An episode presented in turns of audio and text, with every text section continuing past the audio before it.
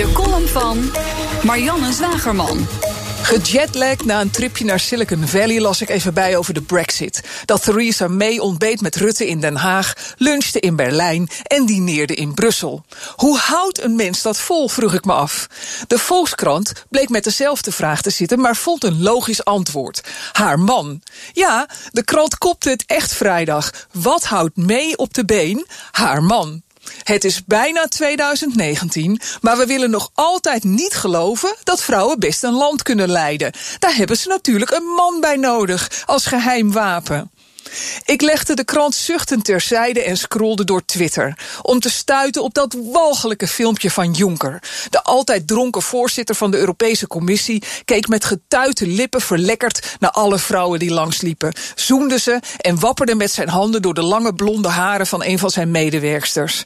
Het is bijna 2019. We hadden het vrijwel het hele jaar over hashtag MeToo. Maar in Europa kan je nog altijd niet democratisch gekozen de baas zijn en doen alsof alle vrouwen decorstukken zijn. Als Donald Trump met één oog naar een vrouw kijkt, staan zelfs in Nederland alle kranten ermee vol. Een uitgerangeerde pornoster, inmiddels veroordeeld tot het betalen van een kwart miljoen euro schadevergoeding aan Trump, mag uitgebreid bij RTL Late Night komen vertellen over de avonturen die zij beleefd zou hebben met de president. Wat Jonker allemaal uitvreet in ons eigen werelddeel is blijkbaar minder interessant voor onze media. Ik zette de tv maar even aan.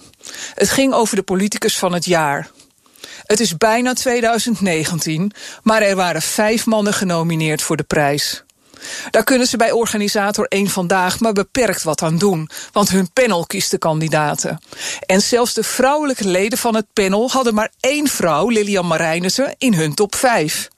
Het is treurig dat we moeten kiezen uit vijf mannen met een stropdas. Maar dat de redactie van Pauw niet één vrouw kon vinden om te komen praten over de verkiezing, gaat het voorstellingsvermogen te boven. Carla Joosten, Wilma Borgman, Dominique van der Heijden waren allemaal verhinderd. Het is bijna 2019 en Pauw zet zes mannen aan tafel om te praten over vijf mannen en een prijs. Was het maar vast volgend jaar. En dat zei Marianne Zwagerman in haar column. Die kunt u terugluisteren op bnr.nl en in de BNR-app. Bij BNR ben je altijd als eerste op de hoogte van het laatste nieuws. Luister dagelijks live via internet. Jelle Maasbach. Wesley Weert. We zijn er voor je met het leukste, opvallendste, maar natuurlijk ook het belangrijkste nieuws. Tijdens de presentatie van die halfjaarcijfers toen die beurskoers in elkaar kukkelde. BNR Beurs. Voor de slimme belegger. Blijf scherp en mis niets.